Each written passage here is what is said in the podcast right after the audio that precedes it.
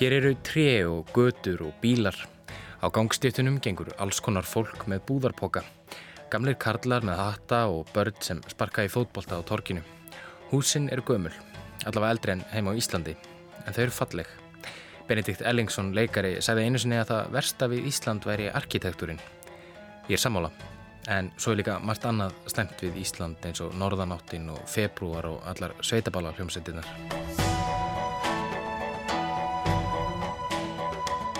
Ég er í Molenbeek hverfinu í Bryssel. Það er ekki beint út hverfi, svo miðsvæðis er það í borginni. Það er eiginlega eins og vestubærin í Reykjavík. Ekki einu svoni fellabær fyrir austan, eða einn í fyrði eins og ísfyrringarnir segja. Hérna býr fullt af fólki. Vestur hlutin er grætn og gróðursæl, en í austur hlutanum býr fleira fólk og gödurnar eru tróðanari. En samt fer enginn til Molenbeek. Ég fór ekki til Molenbeek í það rúma ár sem ég bjó í þryggja mínutna göngufjarlað frá hverfinu. Það á engin erindi til Molenbeek, af því Molenbeek býr fólk sem er ekki eins og þú. Fólk sem talar öðruvísi og sér heiminn einhvern veginn öðruvísi. Í Molenbeek byggu jafnaldra mínir Salah Abdeslam og Abdelhamid Abayoud, en þeir búa þar ekki lengur. Í Molenbeek byggu líka yfir 400 aðrir ungir menn sem vaðið hafa eld og brennistein í orðsins fylstu merkingu fyrir hriðiverkasamtökin Íslamska ríkið. Engin einn staður á jörðinni er önnur eins útungunastöð fyrir samtökin. Molenbeek þar sem grasið er grænt í vesturhlutunum en í austurhlutunum býr fleira fólk og gödurnar eru tróðnari.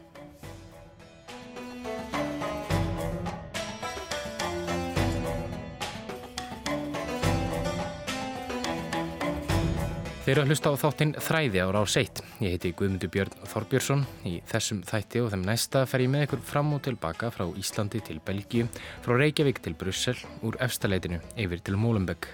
Við ræðum við heimamenn og aðflutta og aðra um ílsku, sjálfsmynd, þjóðverðni og heiminn sem er að ganga af göblunum en er samt svo fallegur á vorin. Viðmælendu mínir koma úr ýmsum áttum og saman reynum við að ná utanum þessi furðulegu fyrirbæri tilverunar. En því má ekki gleyma að stundum er líka ágætt að tala bara um hlutina frekar en að eldast við að ná niðurstöðu, sérstaklega þegar hlutinir eru óskiljanleir. Í þessum fyrsta þætti verður fókusin á ílskuna og ílskansett í samhengi við eitt hverfi á meginlandi Evrópu. Í þeim næsta verður áherslan á sjálfsmynd mannsins og hugmyndinum þjóðverðni í tengslum við ílskuna.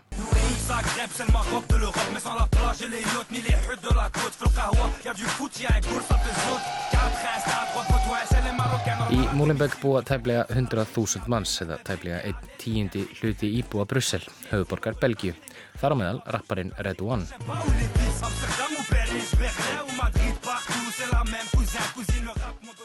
Molenbeek hverfið er ekki þekkt fyrir margt, nokkuð óeftir tektarvert og hefur flóið undir ratsjóni nær alla sína tíð. Kransbyttumadurinn Franki Verkauteren fættist þar um miðja síðustu öld, kvöruboltamadurinn Erik Strúlans og jazzarinn Tút Thielmans sem leðis, áglemdum reytumundunum Eugene de Molder. En þessir ágætti menn eru nú lít þekktir utan Belgíu þótt þeir eflust teljist til dáðustu svona Molenbeek. Eða hvað? Kanski eru einmitt dáðustu senir Molenbeek einhverjir aðrir. Það var í nóvember á síðast ári sem þetta gamalgróna hverfi var allræmtum verald alla. Breaking news, Paris terror fear. Multiple people are reported killed in a shooting. There's also word of possible explosions outside the National Stadium and a hostage situation unfolding right now as well. We're following a night of unfolding terror right in the heart of the French capital. Þann 13. november síðastlegin riðust nokkurir ungir menn á fótboltavöll, veitikastadi og tónleikahöll í París með sprengjum og skótriðum. 130 manns letu lífið. Það er blega 400 særðust, þar af um 100 alvarlega. Árásetnar voru þær mannskjæðist í landinu síðan í síðari heimstyrjöld. Aðal skipilegjandi árásana og þrýr aðrir árásamenn ólust upp og byggu í Mólenbeek, þessu gróður sæla og gamal gróna hálf út hverfi í Brussel. Augu og eiru heimsins beindust að Mólenberg næstu vikur og mánuði. Mikrútur greina og fréttaskýringa voru skrifaðar um hverfið. Allir voru að reyna að skilja hvers vegna þetta hverfi æli af sér slík ómenni. Og ekki minkaði aðteglin nokkrum mánuðum síðar. This is a Fox News alert. I'm Kelly Wright. We're getting word at this hour of two explosions in a departure lounge at the Brussels airport. No word yet on the cause of the blast, but there are reports of several injuries. Þann 22. mars sprungu þrjár sprengjur í Brussel, tvær á Savanten flugöllinum og ein á Malbæk lestastöðin í miðri borginni. 32 letu lífið. Aftur komu árásamennir frá Molenbeek. Og enginn skilur neitt. Hvers vegna ganga ungir drengir sem alast upp í höfuðborg Evrópu, eins og Brussel er oft kölluð og höfuð víi fjölminningarinnar, til liðs við allræmdustu hriðiverkarsamtök heims.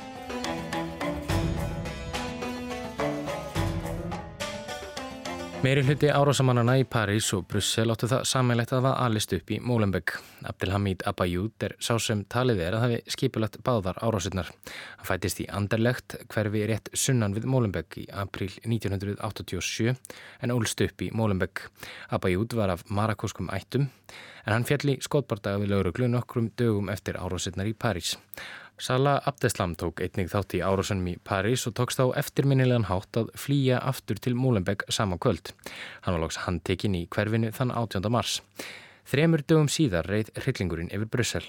Abdeslam hefur verið framseldur til franskra yfirvalda þar sem réttað verður yfir honum. Þeir hafðu báðir setið inni fyrir minniháttar afbróti í Brussel. Að öðru leiti voru þeir óskup venjulegir úlingar.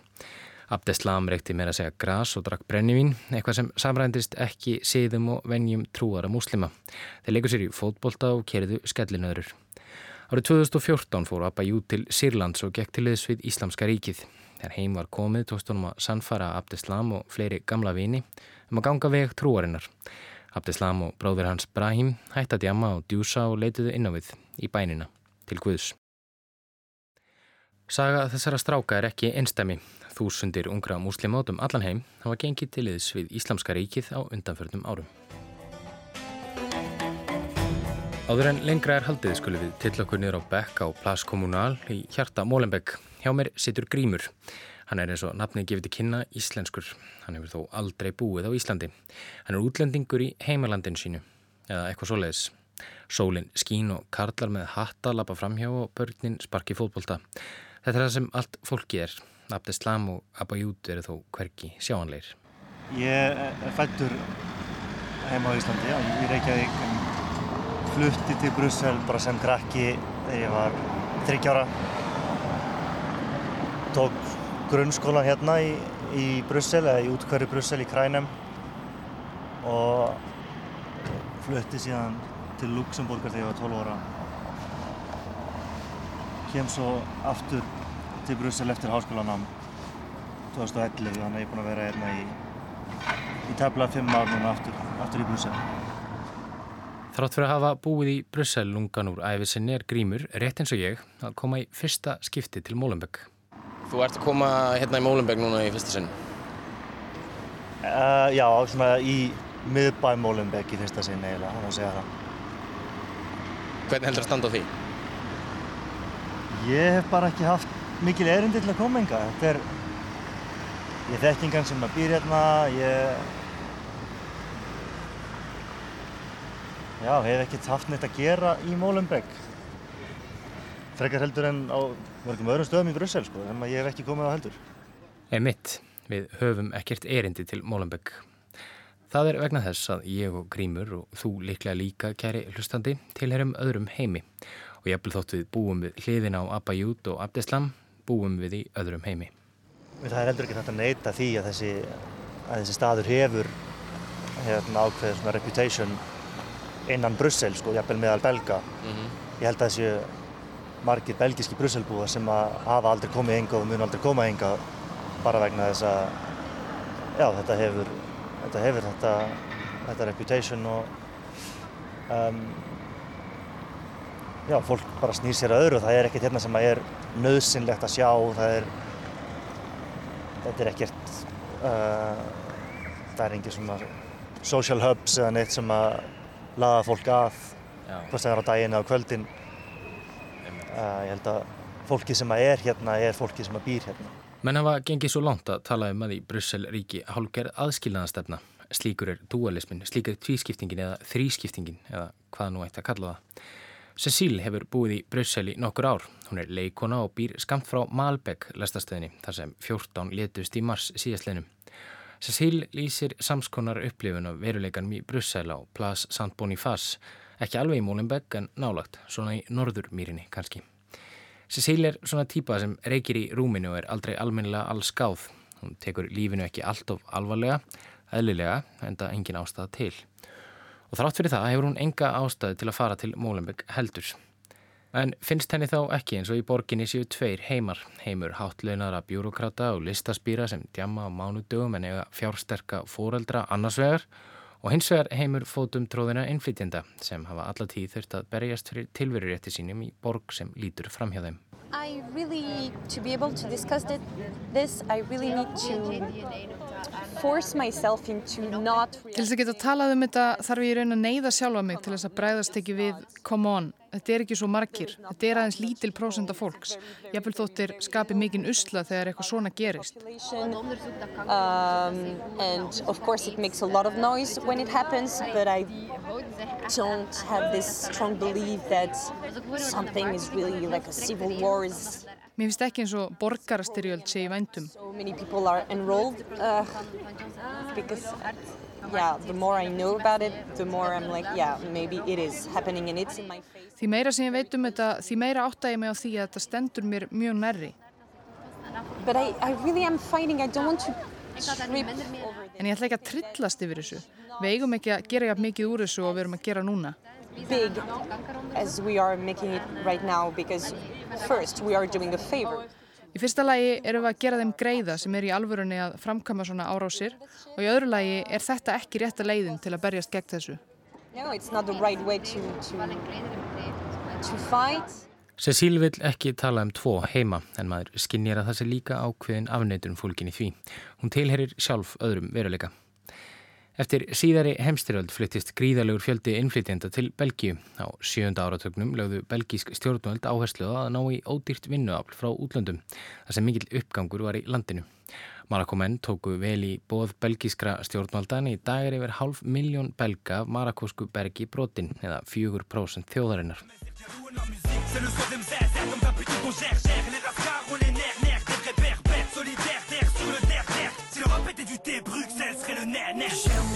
Nú bendir flest allt til þess að stjórnvöldi í Belgíu hafi staði illað bóðið sínu.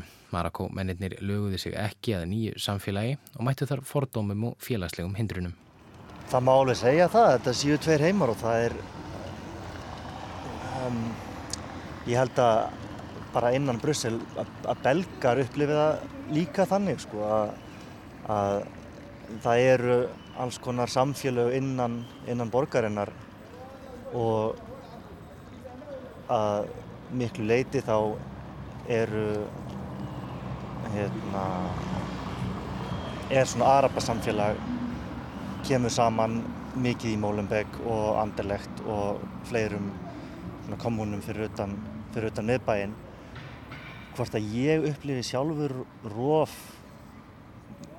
ég get ekki sagt það þannig en ég meina það er persónulega finn ég ekki fyrir því þannig séð en ég er heldur ekkert að, að leitast eftir því Okay, you don't feel like you belong here, you feel shitty. Most of us do, even when you are. Ég meina, já, þeim líður eins og þau tilegir ekki samfélaginu hér. Þeim líður ömulega. En okkur líður flestum ömulega, jáfnveg þó þeir líði ekki eins og útlendingi. En þau eiga sér sögu sem ég vissum að ekkert okkar getur ekki einu sinni skilið að neinu leiti og ekki einu sinni þetta fólk. Þessi sem eru að framkvæma jihad gengur ekki gegnum helmingina því sem foreldrar þeirra á ömmur og afar gengur við gegnum. Ok, come on. Það var mjög erfitt fyrir þau að aðlagast. Auðvitað er mikið óreittlæti í þessu. Það er óreittlæti og miskipting en það pottit ekki eins mikið og það var einu sinni.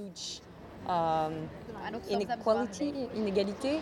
Like that, it's a thing. It, it exists definitely, but it's not as bad as it's as it once was. Talið er að hátt í 90% þeirra marakúsku innflytjenda sem komu upphælega til Belgíu miðja síðustu öld hafi verið ómentaðir og ófaglæriðir karlmenn. Það er málmanna að aðlugunarferðlið hafi mistekist rapalega og hvergi eins ítla eins og í Mólenbegg. Og kynnslöðnar sem vaks úr grasi í Mólenbegg hafa mætt fordómum alla tíð, fordómum í borginni sem fólkið fæðist og elst upp í. Karl Verstringe er prófessor í heimsbyggi við Fræi Universiteit í Brussel. Hann sérhefði sig í tilvistarspeggi og siðfræði.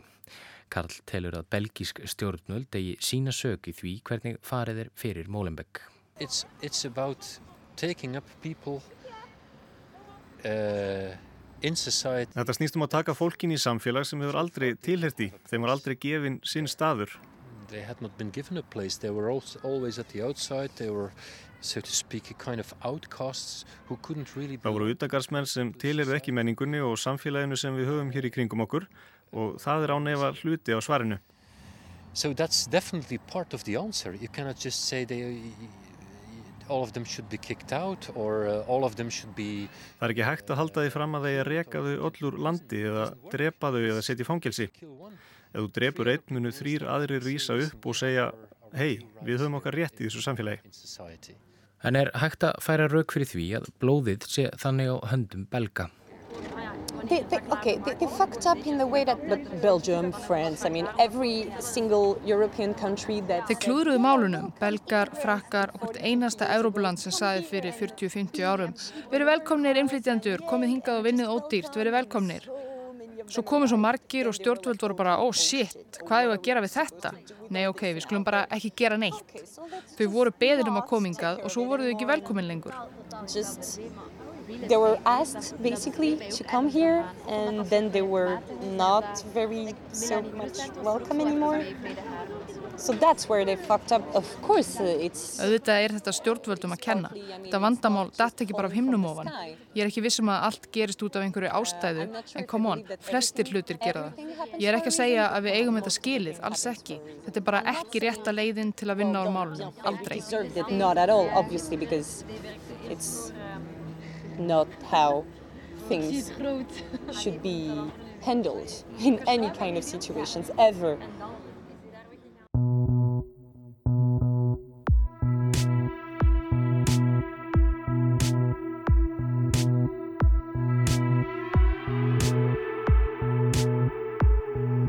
Hriðverkárásir eru ekki nýjar af nálinni þótt Íslamska ríkið og, og þá sér í lagi voðaverk þeirra í Evrópu síðustu misserinn hafi fært hennan hrylling nær hinnum hverstaslega vestræna neytanda.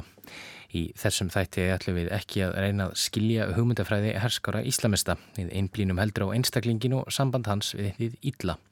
Flestir en við sammálaðum að morð og blóðsútællingar séu af hennum vonda en er hið ítla til.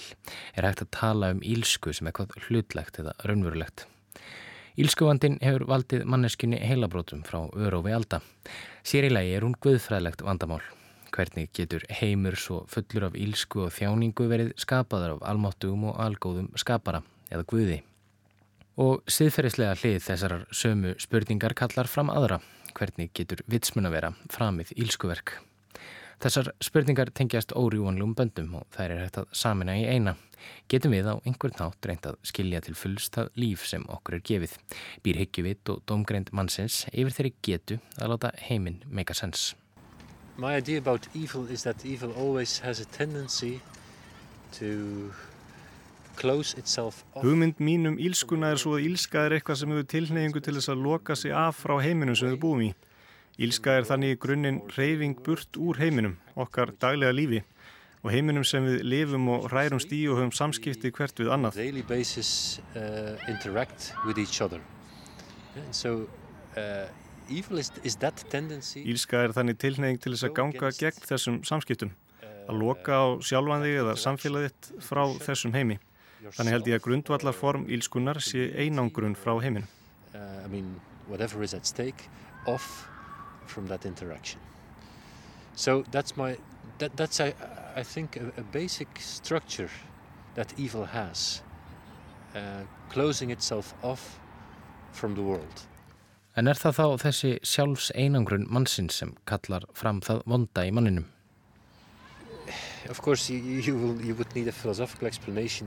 Já, sko, þú þart heimsbyggilega útskýringu hér. Ég held að einfaldasta útskýringin sé svo að við fæðumst inn í heim sem okkur er gefin. En eins og ákveðinir heimsbyggingar myndu segja heimurinn sem okkur er kastað inn í er góður.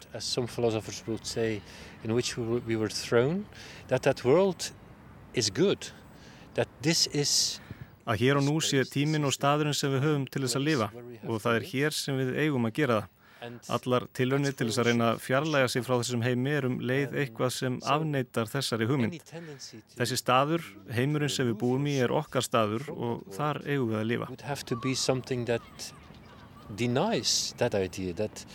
The place, the world in which we live is our place in which we should uh, live our lives. Sjálfur velkist ég í vafa um hvort ílska sé raunverulega til, hvort hún sé eitthvað hlutbundið. Við skulum bregð okkur örstuðt aftur til Íslands. Hrein Hákonarsson hefur undarfarnað tvo áratví starfað sem fangaprestur. Ég held að ílska sé til í heimunum og eh, hvert sem menn líta þá náttúrulega sjá þeir það sem er gott og þeir sjá líka það sem, það sem er vond og e, menn þurfi ekki annað en að fletta mannkynnsugunni þá sjá mann þetta og e, hugmyndarsagan hefur eh, reynd vissulega að koma einhverjum nöfnum á þetta atferðli manneskjunar og þá þá er ekki að hugsa um, um dýrin sem skefnurnar út í náttúrunni sem kvíla á vissan hátt svona sæl í sinni eðliskvöld og maðurinn hefur nú oft litið öfundar augum til og sagt sem svo að, að þau hafi ekki mm, síðferðiskend, kunni ekki skilsmun á, á hennu góða og hennu illa sem, sem mannskefnan gerir. No.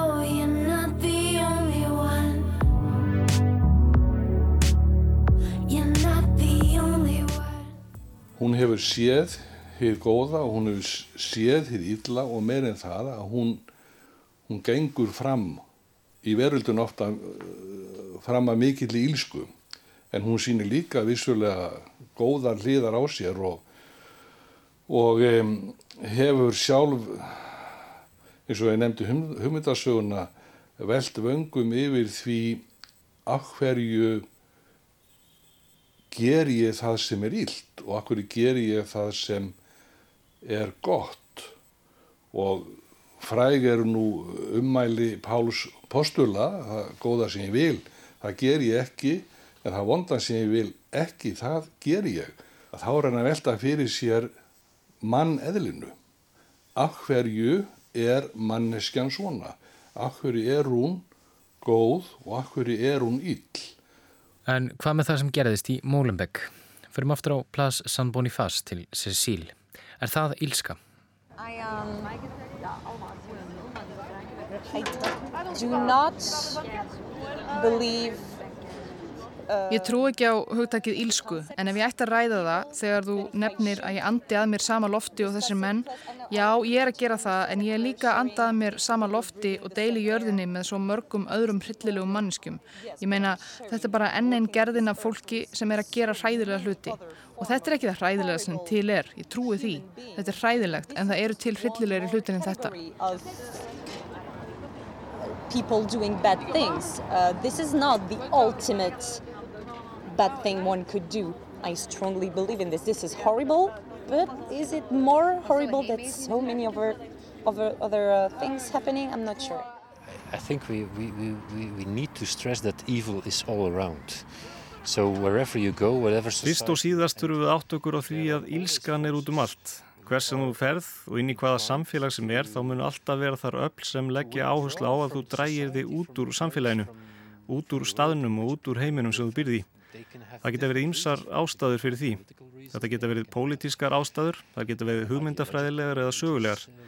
Belgíja er til dæmis bara einn af þeim stöðum sem við búum á, svo þar er ílska og ílska kemur þannig ekki utanfrá, alls ekki.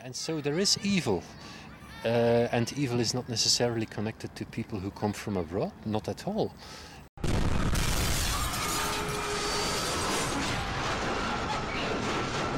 evil can just as well uh, be provoked by people who live here.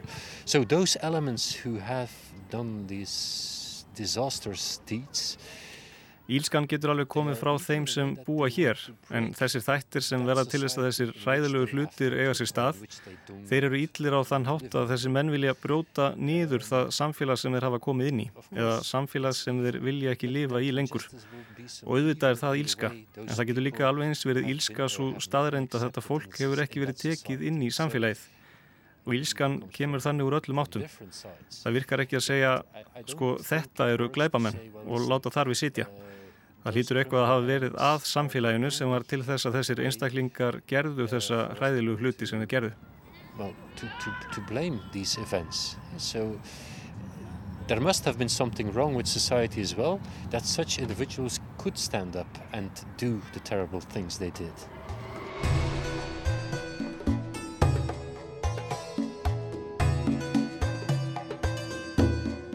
Erum við búin að lappa, lappa hérna um og skoða þetta hverfi. Þetta er eh, bara, þetta er fallegt hverfi, gamalt á, á sér ríka sögu. Uh, upp, upp, upplifir einhvers konar svona ónóta tilfinningu hérna? Ég get ekki sagt það. Þetta er bara við, svo, það sem við höfum lappað um. Ég meina, við löpum bara niður uh, götu það sem var markaður og, og kaffihús og, og búðir og fólk að vesla og, og nú sitjum við hérna á, á torgi fyrir utan ráðhúsið bara í sól og blíðu og ég finn ekki fyrir neittni ógn eða, eða hræðslu eða ótta eða neinu þannig sko. Um, ég trúi því alveg að þetta sé öðruvísa kvöldi til en uh, ég get ekki sagt að ég upplifi mikinn ótta akkurat núna.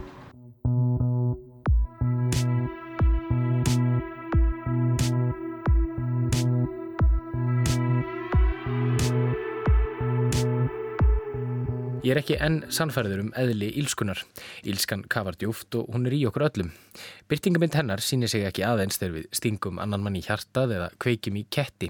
Þíski heimsbyggingurinn Hanna Arendt fylgdist með réttarhöldunum yfir SS-fóringjanum Adolf Eichmann í Jérúsalem árið 1961. Eichmann bar ábyrð á dauða þúsunda geninga í útrýmingarbúðum nazista í síðari heimstyröld. Í rannsóksinni kemst Arendt að því að Eichmann var ekkert skrimsli. Hann var bara ófrumlegur, venjulegur maður sem gerði það sem honum þótti réttast. Hann líti skipinum, hann var hópsál. Hann framdi ílskuverk sem var þó fyllilega samþygt af því samfélagi sem hann tilheyði. Hann hafði fjarlægst, hann og samfélagið sem hann tilheyði. Well, distance, uh... Hugmyndina um fjarlægið er hægt að nota aftur hérna. Ég er þeirra skoðunar að ílska tengist því að loka sjálfan sig af og að fjarlæga sig frá einhverju. Það eru margar leiði til þess að útskýra ákkur á þetta fyrirbæri. Ef við tökum kjötiðnaðin sem dæmi. Fólk hefur fjarlægst því hvað það er að drepa dýr. 99% af þeir sem borða dýr hafa aldrei drepið dýr.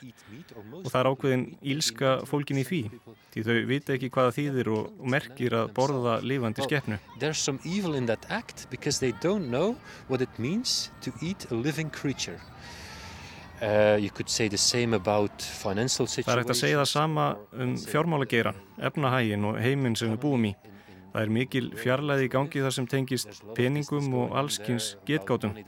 Það er ílska fólkin í getgátum og það er ílska fólkin í öllu því sem tengist þessari fjarlæð. Og það sama gildir um ílvirkin í Brussel. Fólk er tilbúið að fjarlæga sig frá einhverju og það fjarlægir sig frá samfélaginu sem það býr í og þar er ílskan falin.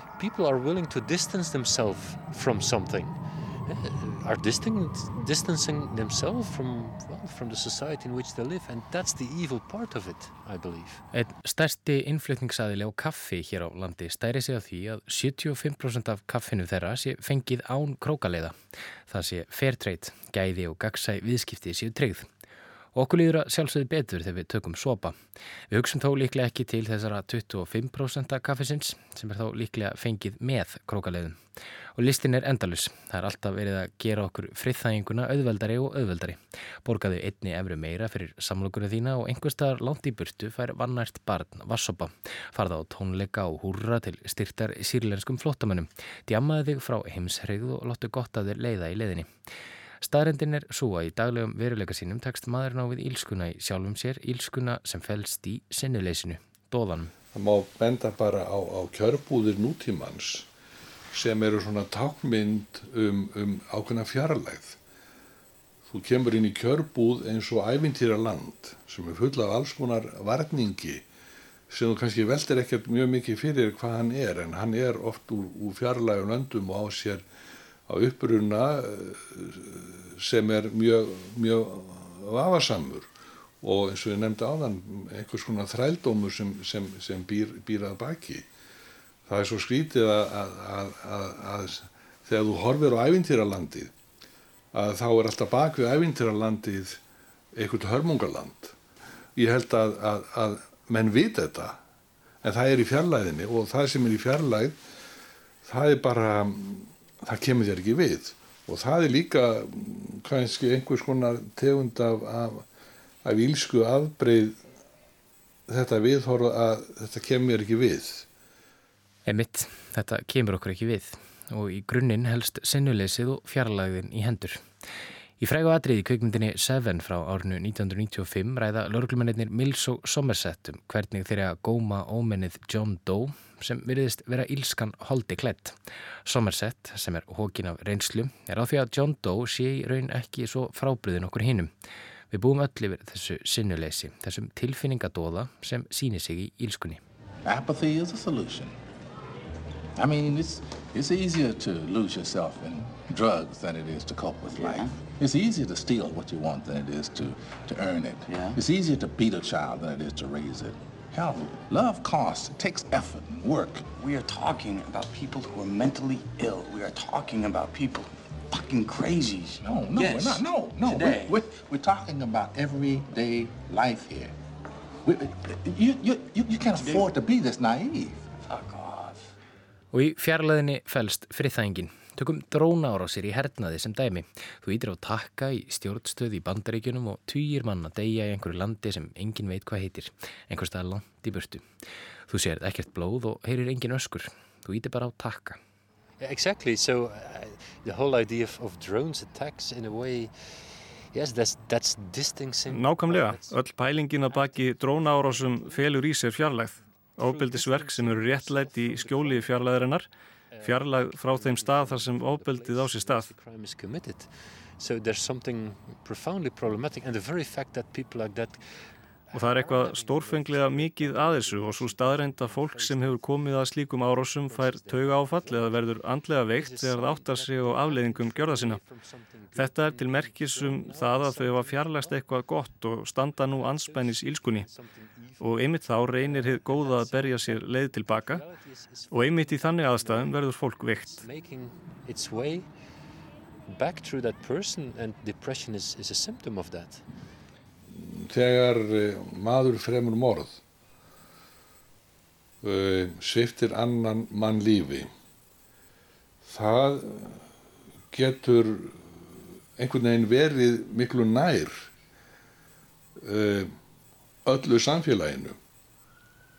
Einn einstaklingur með, með líf og sögu og allt það sem býr í einum einstaklingi og allt það sem hann hefði hugsanlega fengið að njóta ef hann hefði fengið, fengið að lifa og rétturinn til lífsins er þessi helgi réttur sem menn standa vörðum og, og verður ekkert frá mönnum teki nema, nema með þessum hætti e, í þessu tilviki Um daginn pantaði mér sundskilu á netinu frá Kína. Það kostiði mér cirka 300 krónur og það var engin sendingakostnaður. Þegar ég fer í sundskíluna kemst ég ekki hjá því að hugsa að það er eitthvað bóið við þetta. Það er einhver ílska í þessari sundskílu og veru hennar á Íslandi. Og ég er beitt þáttakandi í því ílsku verki. En þetta er svo langt í burtu frá mér og allt þetta drastl er svo ódýrt. Í tengslum við hugmyndunum ílsku sem fjarlagð má einni nefna svo kallega kvítflipa gleipamenn. Menn sem myndu ekki stela mjölkurferðn út úr búð eða kíla gæjan sem reynir við eiginkonuna á ársotíðinni en leggja síðan líf fjölda fólks í rúst með floknum fjármálaviðskiptum. En kvítflipa brot svo kölluð sem felast í því að, að menn er að svíkja fjö út úr uh, fyrirtækjum, einstaklingum og, og heilu samfélagi með, með, með ýmsum uh, aðferðum. E, eins og gerðist í bankahrununu það er kannski á vissan hátt í meiri fjarlægð. En enga síður er hægt að benda á einhvers konar afleiðingar af svo kölluðum kvítflipa brotum einhverju einstaklingar hafa mista allt sitt jafnur einhverjir eh, sitt sér lífi eins og nefnt hefur verið. E, eða aðrir e, þurft að þurft að uh, fara á geðsjúkrahús til þess að ná, ná helsu sinni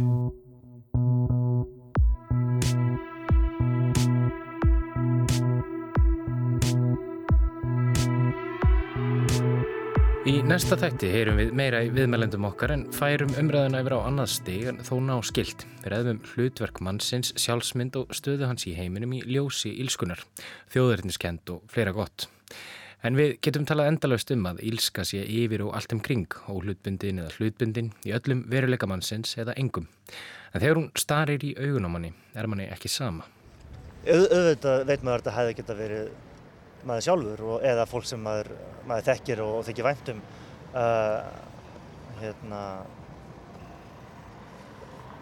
sprengingin í, í metrókerfinu gerðist bara hvað 200 metra frá, frá skrifstofunni minni um, ég held að fyrsta tilfinningin er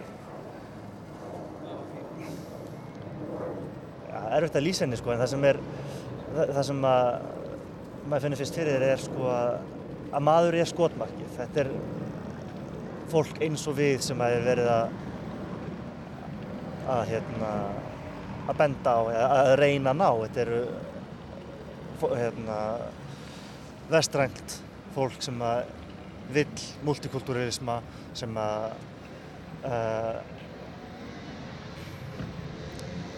vill svona um, progressive thinking um, Opið samfélag. Já, opið samfélag. Og já, manni líður bara svolítið eins og já, maður er skotmarki þetta, þetta fólk er hérna þeim er alveg sama uh, hverji degja en það er fólk eins og ég sem þeir vilja ná og auðvitað er það það er ekki góð tilfinning að vita af því Í Jobsbók er talað um að skinnið sé nær en skýrtan. Það er auðvelt að reyna að láta heiminn make a sense þegar maður stendur ekki frammi fyrir hennu óskiljanli og þarf að stara í augun á því. Það er auðvelt að álíkta um eðli rótækrar ílsku, ofbeldisverka og blóðsúthellinga þegar þú er aldrei mætt þeim sjálfur af neinum mætti. Og kannski er það siðlust af okkur Karli að njóta vorsins í Bryssel. Well, uh, it's not because of the fact that the sun is shining that things are solved. Um, Well, on the contrary, maybe the sun is keeping us away from the prob problems deep down. Um, yeah, it's a big question what is next. I don't think this problem is solved. I don't think the, the root of evil has been destroyed.